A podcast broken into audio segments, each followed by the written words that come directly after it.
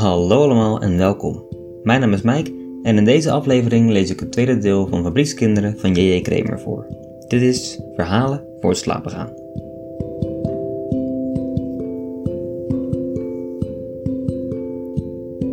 In de vorige aflevering lazen we het eerste deel en zagen we hoe een familie er in Leiden aan toe was en liepen we met de verteller mee door een fabriek. Met dit verhaal wilde J.J. Kramer kinderarbeid aan de kaak stellen en dit is hem uiteindelijk ook deels gelukt met het kinderwetje van Van Houten. Mocht je meer willen weten over de context van het verhaal of het leven van J.J. Kramer, dan kun je dat terugluisteren in de volgende aflevering. Om mezelf niet te herhalen, zal ik nu gewoon meteen gaan beginnen met het tweede deel van Fabriekskinderen van J.J. Kramer. Fabriekskinderen, deel 2 Arme, verstompte, gevoelloze meisjes.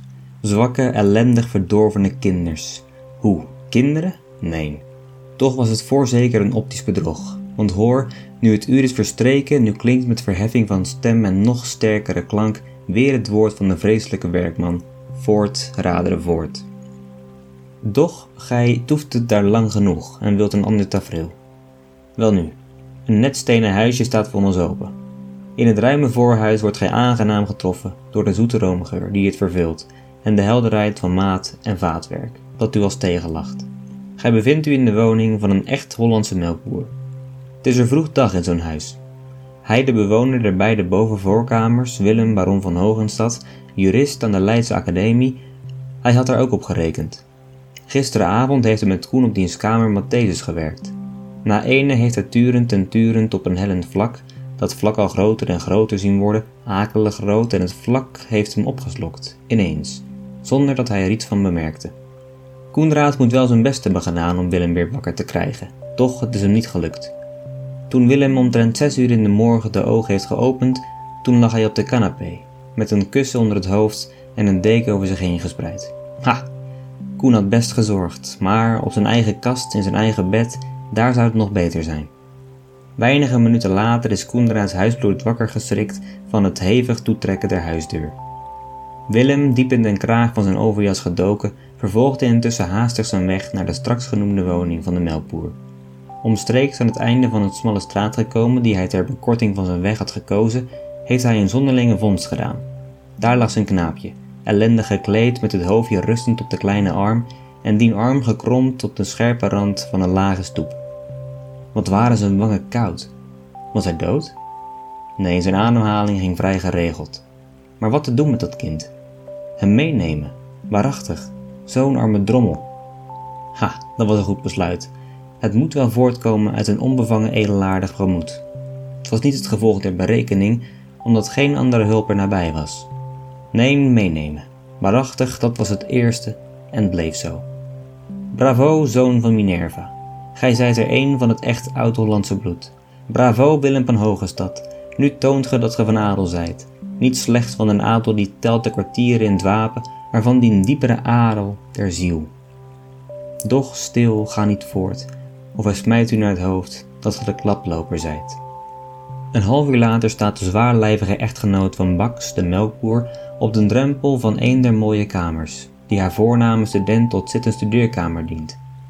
Zij kan zich ter wereld niet begrijpen hoe men heer zo'n vuil schandaal van de straat mee naar boven heeft gedragen. Goddank, ze houdt van helder en netjes, weet je, en nou leidt er op de andere kamer zo'n smerig sachet in meneers ledikant en de hemel mag weten wat voor ontuig hij mee in huis heeft gebracht. Wil je eens kijken? fluistert Van Hogestad, terwijl hij de juffrouw wenkt hem in de achterste kamer te volgen en haar tegelijk half ironisch, half ernstig een knipoogje geeft. Kijken? Wat zou ik kijken? prevelt de juffrouw, terwijl ze met de krakende tred der jonker volgt. De jonker, die op zijn tenen lopend haar naar de ledikant in de andere kamer is voorgegaan en nu het groen damasten gordijn terzijde schuift. Hoe vind je dat, hè? Hoe ik dat vind? Mag ik reis vragen hoe uw mama dat zou vinden? Heb je wel eens op straat geslapen, juffrouw Baks, met een stoeptje kussen? Lieve hemel, ik, roept de juffrouw. Ik ben goddank een fatsoenlijk manskind. Maar weet je waar zulk gespuit van afkomstig is? En ze wijst met haar vlezige vinger op den arme Sander, die in Willems ledikant zo kostelijk te slapen ligt. Van trapalje, weet je, uit de fabrieken. Van ouwers die zuipen en luieren en dreigen onmondige vlees voor hun kost laten zorgen, zie je, weet u meneer, van zukkere palje. Zo, juffrouw Baks. Ja, van volk dat zijn eigen vader en moeder voor een glasje never aan de galg zou helpen. Maar wil ik je reis wat zeggen, meneer, als je van een ouder mens een goede raad wilt aannemen, pas op dat je je vingers niet brandt. Het vuil maken van je eigen boel en het gebabbel in de straat wil ik daar laten, maar met je dat verwaarloosd en liederlijk sachet heel christelijk aan te trekken, ga je vlak buiten je boekje. Als het avond of morgen zo'n zuiplap in de deur krijgen die mij of mijn man de maling schopt omdat we zijn kind van het fabriek hebben afgehouden, dan bent u eens responsabel. Ieder man blijft baas over zijn eigen kinders. Als u eens mama... Wil je klaarzetten, juffrouw Baks? Lieve hemel, wat zet die vreselijke hoog op. Jawel, meneer. Twee kadetjes, nietwaar? Zes kadetjes en tien krentenbroodjes, juffrouw Baks. De ogen. Koffie of theewater, mee?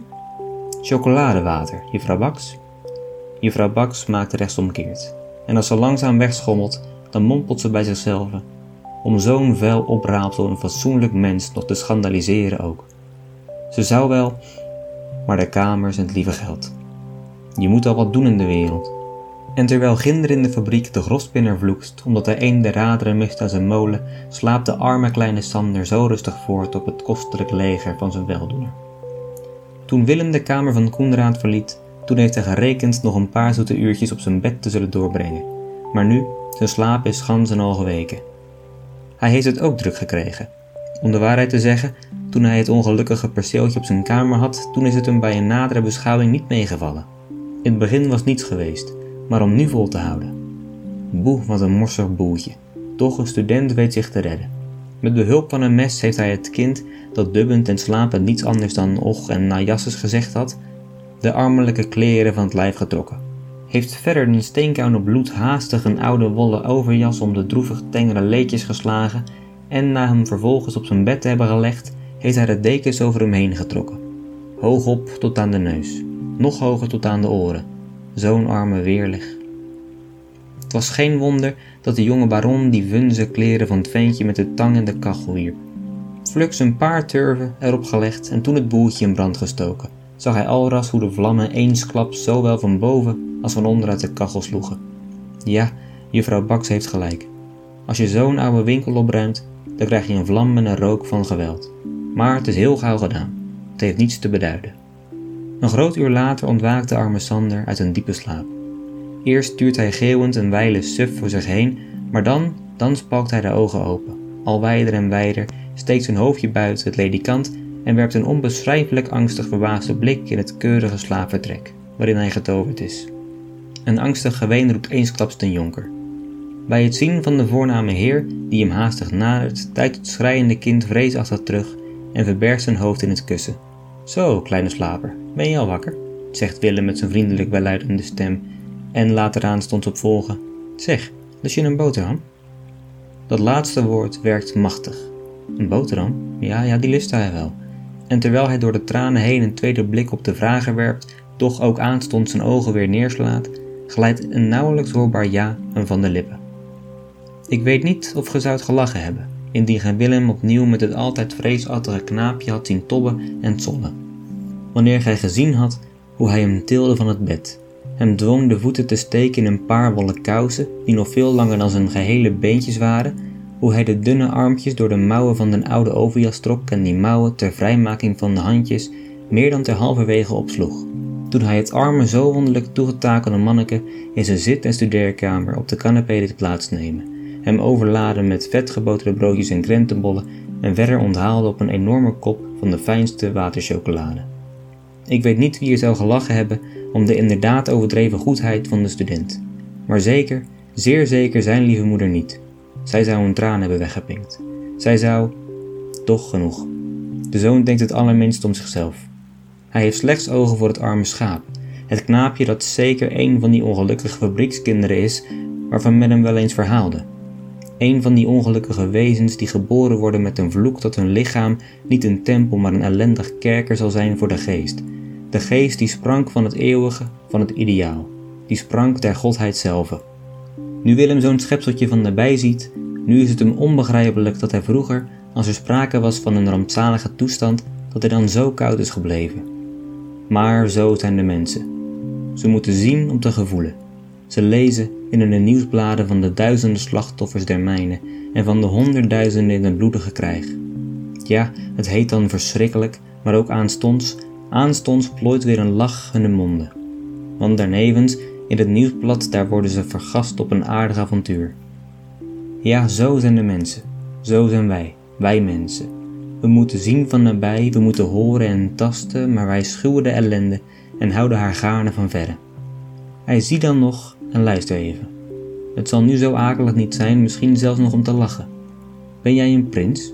klinkt het zachtjes van Sanders lippen, en het jongske, wiens vrezen na het kostelijk onthaal van een groot deel was geweken, werpt een schuwe blik op zijn gastheer, doch slaat de ogen ook aanstonds weer neer. Ik? Wel nee, lacht Willem, uit zijn gemijmer ontwakend. Maar als ik het was, zou je dan wel altijd bij zo'n prins willen blijven? Jawel, zegt Sander. Waarom? Om dit, zegt de jongen en likt nog eens langs de rand van de grote chocoladekop. Had je dat nog nooit geproefd? Het ventje grinnikt alsof hij zeggen wil, dat kun je begrijpen. Docht eerst dat het mosterd was, zegt hij iets later. Mosterd? Ja, die houdt moeder in een potje en smiddags als we van de fabriek komen, dan krijgen we aardappels met zo'n beetje mosterd in het water. Niets anders? Ja, soms wel een scheutje azijn. Vader en moeder eten meestal spek, maar dat is gallen voor de kinderen, zegt moeder. Beesten, roept Willem. Nee, Sander, schrik maar zo niet. Dat geldt niet u of een van uw gelijken. Hoor maar, hij vraagt u weer vriendelijk. En hoe heet je vader? Dat weet ik niet, is het antwoord. Maar jij, hoe heet jij? Sander Zwarte. En wat doet je vader? Hehe, grinnikt de jongen. Moeder het suipen. Maar wat is hij van ambacht? Ambacht, grinnikt het kind. Daar had hij nooit van gehoord. Waar verdient hij zijn centen mee? Dat doen we lui. En hoe oud ben je al, ventje? Ben je al zeven? Ik, zegt het jongske. Ik ben tien.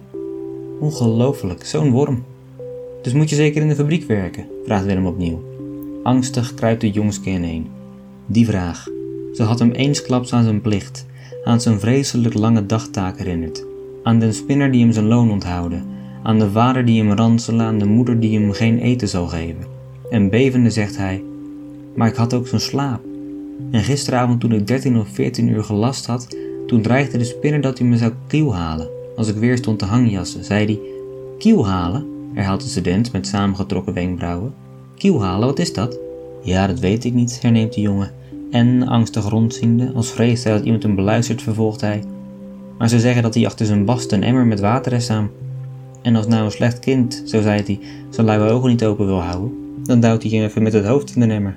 Tenminste, als het opperste meneer van het fabriek er niet bij is. Maar het zal niet waar wezen, hè, zo koud. Ja, koud. IJzig koud, om van te rillen. En ga je ook school? vraagt Willem weder, na een ogenblik van sombere stilte. Zie, tegenover het jongske tot wien de vraag was gericht, daar staan in de brede en nette boekenkast, slechts weinige achter een groene gordijn verscholen, de bronnen en schatkamers van wijsheid en wetenschap, van deugd en van recht, van beschaving en godsdienst, daar staan de klassieken die getuigen hoe voor tientallen eeuwen mensengeest reeds krachtig streefde naar het schoonste ideaal, des geestes eeuwige volmaking. Daar staan ze, de wetten der oude Romeinen die steeds de zwakke beschermden tegen de moordende staal. Daar staan ze in de bonste mengeling doorheen, die wijze en geleerden, die godvruchtige en zedemeesters van vroeger en latere tijd. En het is alsof ze luisteren, aandachtig luisteren naar de antwoorden van dat kind. Nee, naar school gaat hij niet. Naar school kan hij niet gaan, want 13, 14, ja 15 uren moet hij werken. Staande werken, op één dag. Naar school gaat hij niet, want het dagloon zou dan minder worden en voor vader en moeder te schadelijk zijn. Boeken? Nee, boeken heeft hij nooit gezien. Ja, als dat daar tegenover hem boeken zijn, dan weet hij het wel. Dat zijn bijbels. Moeder heeft er ook zo een. En ze zei het, en dominees bedrieger. Wat een dominee is? Dat weten we niet. Of ja, die woont in de kerk. En wat de mensen zondags gaan doen in de kerk, dat kan hij niet zeggen. Want hij is er wel in geweest, maar heeft toen geslapen. En waar het brood van gebakken wordt, dat weet hij niet. En dat de tafels en stoelen van het hout der bomen gemaakt worden, dat weet hij evenmin. Ja, zelfs nooit heeft hij gehoord van waar de wol afkomstig is, die reeds bij duizenden ponden door zijn handjes ging. Nog heeft hij vernomen dat van dezelfde draden die hij laste, een kleed wordt geweven zoals er nu een zo warmpjes om zijn fijne leedjes sluit. Hebt ge dat gehoord, grote mannen van den oude en nieuwe tijd? Niet waar, dat was een droevig examen in de alloude en wijdvermaarde academiestad. Mij dunkt, ik zie de gulden rugtitels verbleken op de werken van uw geest. Ik zie ze huiveren en ineenkrimpen, de vruchten van uw hart of verstand. Gij wenst dat de gordijn der brede boekenkast u scheiden van dat ongelukkige voorwerp, van het voorwerp dat u driest in het aangezicht slaat en u kermende toekrijt. Gelogen, dat de mens een heer der schepping zou zijn. Daar is geen vrije wil. Daar is geen recht in de wereld, nog een rechtvaardigheid die haar bestiert. Daar is. Doch we grijpen de gordijn en schuiven haar voor de brede boekenkast, en tegelijk voor dit droeve tafereel. Nochtans, onze taak is daarmee niet ten einde gebracht. We hebben nog twee tafereelen. Het eerste ziet geen een schoon, doch fantastisch licht. Het tweede in het diepe zwart van de nacht, wanneer slechts één enkele sterre er breekt door de voortgezweepte wolken. En dat eerste tafereel. Zie, in dat schitterende kunstlicht, lieflijk als het schijnsel der maan, hel als de zon, blinkend als goud en zilver dooreen gemengeld, daar ziet ge te midden van een lachend plantsoen een jongeling. Gij herkent hem terstond. Het is de wakkere edelman, die zich toerust met de kennis om later te waken voor de rechten der mensheid. Het is Willem van Hogestad. Aan zijn zijde staat een teer, doch aardig jongske, dat netjes en helder in de kleren te midden van de rijkdom en pracht eener tevoren niet gekende natuur de ogen telkens met de uitdrukking der dankbaarste verrukking en der innigste gehechtheid tot zijn weldoener opslaat. Dat jongske is het arme fabriekskind, het kind van zwarte, het knaapje dat door de macht van het geld gered werd uit zijn ellendige staat en opgevoed en onderwezen zal worden om mens te zijn, waarachtig mens. Het is wel jammer dat zulk een kunstlicht zo spoedig voorbij gaat. Het schone tafereel verdwenen. We staan in het duister, in het nachtelijk zwart. Hoort ge daar ginder, daar in die donkere hoek, dat klagende stemmetje wel? Het kermt om water, water. Ontelbare malen hoort ge dat, water. En dan, als werd het stemmetje moe van altijd hetzelfde woord, dan kreunt het dorst, dorst. Ouders, hoort ge uw kind dan niet? Moeder Zwarte, weet gij het niet dat uw arme zaadje met brandende lippen en tong naar uw teugen smacht en te zwak is om hetzelfde te krijgen? Maar de moeder, ze slaapt, en de vader, hij ronkt. Voor het te bedden gaan heeft de beschonken man gezegd dat hij die fratsen wel kende, en als ze te lui was voor de werk, dat ze zich dan, evenals Sander, ook maar door zo'n seigneur moet laten oprapen. Dat gaf de nog betere rekening.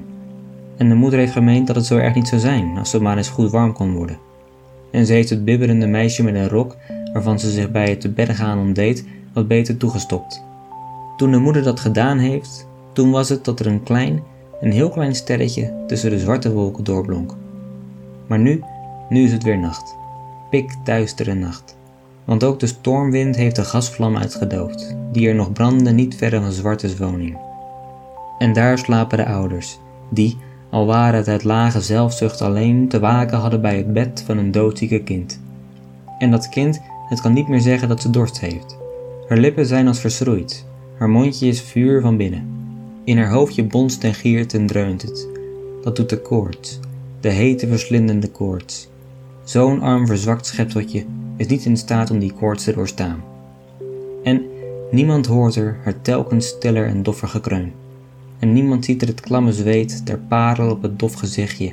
En niemand hoort er, nee, niemand hoort er na zes uren strijds, dat laatste, dat allerlaatste zacht, pijnlijke snikje. Het snikje dat klinkt als een dankbaar zoetvloeiend, verlost. En daarbuiten, daar buldert de stormwind als met rondende weerklank, vermoord, vermoord. En dat, dat is nu die wonde der arme academiestad. Ze is afgrijzelijk. Gij begrijpt het nu wel dat het een dringend verzoek is om artsenij, waarmee de boodschapper zich belasten. Een verzoek? Nee, een smeekschrift, want hij is de eerste boodschapper niet. Hij dringt slechts tot spoed. Vermoord, vermoord, buldert de wind. En ja, die arme fabriekskinderen, ze worden vermoord naar ziel en naar lichaam. In een nieuwe vorm gaf ik u die oude, maar des te vreselijker waarheid. Slechts wat ik zelf gezien of gehoord of ook door ooggetuigen heb vernomen, gaf ik u weer in vluchtige trekken. En dat mijn verhaal u niet heeft voldaan, dat gij het niet mooi hebt gevonden, zie, dat zou mij verheugen, indien ik u maar getroffen had. Indien gij maar diep gevoelde dat daar ginder natuurgenoten, zwakke kinderen, armelijk gekleed en ellendig gevoed, 13, 14, 15 uren daags moeten werken in een klein bestek. Ja, somtijds nog bovendien de ganzenlange nacht waarop de zondag moet volgen. Een groot deel van die ongelukkige schepsels, ze zijn de kostwinners voor hun luie onbarmhartige ouders. Ze zijn, doch immers, ik heb ze u geschetst, naar waarheid geschetst, als plak ik u niet van de verregaande zedeloosheid die een almede besmettend omringt. En gelooft ge mij niet? Welnu, bezoek de Leidse fabrieken. Gij zult zien, en zo uw hart al aanstos niet bloedt, dan, dan zult ge toch voorzeker weergekeerd in uw woning bij het aanschouwen van uw lief en bloeiend kroost moeten uitroepen: Grote God, bestaat zulk een ontzettend kwaad in ons dierbaar Nederland, in het land welks groot verleden van vrijheid spreekt en van recht voor allen? Goede God, wordt er dan niets gedaan in ons lieve vaderland voor die honderden, ja duizenden van rampzalige die er vermoord worden? Ja, vermoord. En al zijn die ellendige ouders ook verschoonbaar, ja onschuldig, zo gewild, onwetende, ontzenuwde wezens als ze veelal zelf van jongs af waren, en al zien ook vele der fabrikanten met deernis neder op de ellende die hen omringt, al geven u vele brave rechtschapen mannen onder hen de oprechte verzekering dat ook zij vuriglijk wensen die armen enigszins te kunnen opheffen uit een deerniswaardige toestand waarin ze verkeren, ze fluisteren u toe: wat we willen, we kunnen het niet. Ene is er die het ons belet, en haar naam is concurrentie. Zou zij de moordenaresse die arme kinderen zijn? Zij de schone kloeke vrouw die de leuze der vrijheid in haar banier voert? Ja, zij is het en de schone vrouw die zich belaat in de wierookgeuren die men haar toezwaait, ze zondigt bedwelmd door die geur. Haar leuze van vrijheid, ze voert ze hoog, schaamteloos hoog. Vrijheid, ja vrijheid voor alle en alles, gilt ze in dolle overmoed. Wie zal er den ouders het recht over hun kinderen ontnemen? Wie zal ze gelasten hun arbeid te verlichten of hen ter schole te zenden? Wie, wie zal mij beletten? Zwijg, schone waanzinnige vrouw. Weet ge dan niet hoe de staat en rechtvaardig der arme gevallene die uit schaamte haar kind vermoorden, de vrijheid ontneemt? Goddank slechts zelden haar leven? Ha, voor die ongelukkige den kerker en voor u de dartelste vrijheid, gij die boeleert met een gouddorst en duizenden kinders vermoord, zonder bloze vermoord naar ziel en naar lichaam? Nee, ik zeg het u, de uren zal weldra slaan waarin men u kerkeren zal, ja kerkeren in de banden eener zegenrijke wet doorluchtige vorst, grootmachtige wetgevers in de staat, ziet, daar valt de smeekbrief neer voor uw voeten. Nogmaals de laatste, de kranke stad en hare zusters, zij snakken naar redding en artsenij. Gij vraagt een boodschapper niet waar het kruid is te vinden, het kruid dat hulpen kan geven. Gij weet het wel, daar ginder aan gene zijde van de oceaan, daar bloeit en daar tiert het op Engelse bodem, daar behoedt een schone zegenrijke wet die arme, arme fabriekskinderen voor een ellendige toestand waarin zij hier verkeren. Daar zijn hun werkuren minder in aantal. Daar gaan ze ter schole en worden ze onderwezen, drie, ja vijf uren per dag. En de onderwezen kinderen worden bekwame werklieden, en de nijverheid ze bloeit er. En ik bid u, waarom zouden wij bij onze overzeese naburen, ja zelfs bij het grootste deel ook der minder ontwikkelde staten van Europa, ten achter staan? Maar wat spreek ik van artsenij te zoeken in de vreemde? Uw wijsheid zal het weten te vinden op eigen bodem, naar eigen behoeften. Nee, ik vraag u niets meer dan in een wet in het belang dier ongelukkigen. Het tafereel dat ik schetste van een edele knaap met de jongske aan zijne zijde, het was in een kunstlicht geplaatst. Dat beeld zou een uitzondering kunnen zijn. Een toekomst voor die armen kan het niet worden. Die minvermogende kinderen, ze moeten werken en ze zullen en kunnen het, indien gij u hunner ontwerpt. Ja, ze zullen meer doen dan nu. Immers, nu zijn ze verlamd en ontzenuwd, en de ervaring heeft elders geleerd dat de veelvuldige arbeid der industrie nadelig wordt, terwijl meerdere rust en onderwijs voor die kleine haar krachtig verheft. O doorluchtige vorst en grootmachtige wetgevers in de staat, gelooft ze niet de valse boodschappers in die ze komen mochten, die u zouden verhalen dat de hulp die wij van u afsmeken en onnodig is. Zij zouden liegen. Maar nee, komen zullen ze niet, want ik zeg u, zij, zij zouden met haar daad de ellendige zijn, die de schone vrouw tot ontucht en kindermoord verleiden. Die boodschappers, ja, ze zouden verbleken, indien gij hen krachtig betichtte dat zij dus inderdaad de moordenaars onze arme fabriekkinderen zijn. Nee, daar zal er geen van komen, die u driest in het aangezicht zal werpen dat daar geen moord geschiet in de volle zin des woords. Ik bid u, laat mij begaan met hem die het wagen zou durven. Ik vraag hem dan zacht, zeg ongelukkige, Hebt gij dan dat ene kamertje vergeten? Het kamertje met de reinigingsmachine van ruwe katoen, waarbij het kind in slechts luttele jaren zijn rampzalig leven der win, het klinken zachter, de sleurzucht en offer brengt?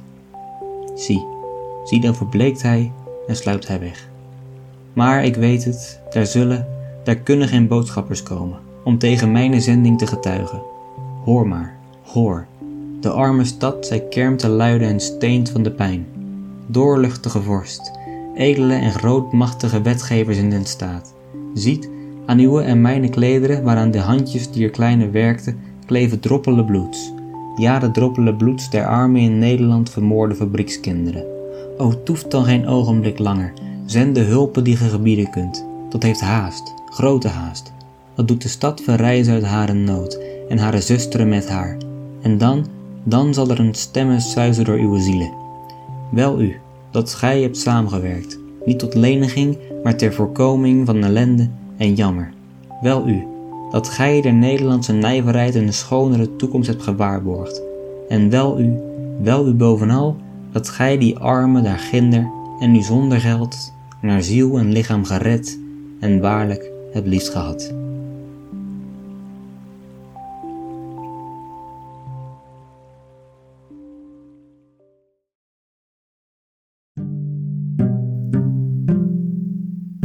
Dat was het tweede deel en het slot van Fabriekskinderen van J.J. Kramer.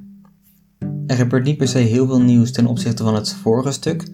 De manier waarop hij schrijft en de dingen die hij probeert te laten zien zijn eigenlijk uh, hetzelfde. Alleen doet hij dit door andere scènes te laten zien. De vorige keer zagen we dus de toestand van de familie Zwarte in huis en de situatie in de fabriek. En nu zien we hoe de op straat in slaap gevallen kleine Sander wordt opgepikt door een student en wordt verzorgd. En maken we de dood van de kleine Saartje mee. En vervolgens sluit hij af met een betoog slash pleidooi voor een wet die uh, de kinderen beschermt. We zien in dit stuk dus Sander die wordt opgepikt door een student. En uit die scène wordt duidelijk dat de kleine Sander eigenlijk helemaal niks weet. Hij weet niks van boeken, hij weet niks van stoelen, hij weet eigenlijk niks wat hij zou moeten weten. Hij weet niet eens wat zijn vader doet. En zo wordt ook duidelijk gemaakt dat de kinderen eigenlijk niet voldoende onderwijs hebben en dat ze worden uitgebuit in de fabrieken. En vervolgens maakt de dood van Saartje best een, een duidelijk punt, namelijk dat er überhaupt kinderen doodgaan aan het werk in de fabriek en dat is op zich best negatief. In dit betoog aan het eind richt hij zich direct tot de lezers en tot de bestuurders en de koning van het land. En hierin roept hij op voor verandering in de vorm van bijvoorbeeld een wet. Want we willen natuurlijk niet achterlopen op Engeland en andere verschillende landen in Europa. Zo zien we dus constant in dit verhaal het engagement van Kramer terug. Hij probeert aan de manier van vertellen en aan de dingen die hij beschrijft constant maatschappelijke problemen aan te kaarten en vervolgens ook verandering teweeg te brengen. Wat hem uiteindelijk ook soort van is gelukt, al heeft hij het niet meer zelf mee kunnen maken. Maar goed, tot zover Fabriekskinderen van J.J. Kramer. Ik wil jullie allemaal hartstikke bedanken voor het luisteren Mocht je nou feedback hebben of me gewoon een berichtje willen sturen, dan kan dat op enker.fm slash verhalen voor het slapen gaan. En dan zie slash hoor ik jullie volgende week. Voor nu, goede nacht, slaap zacht.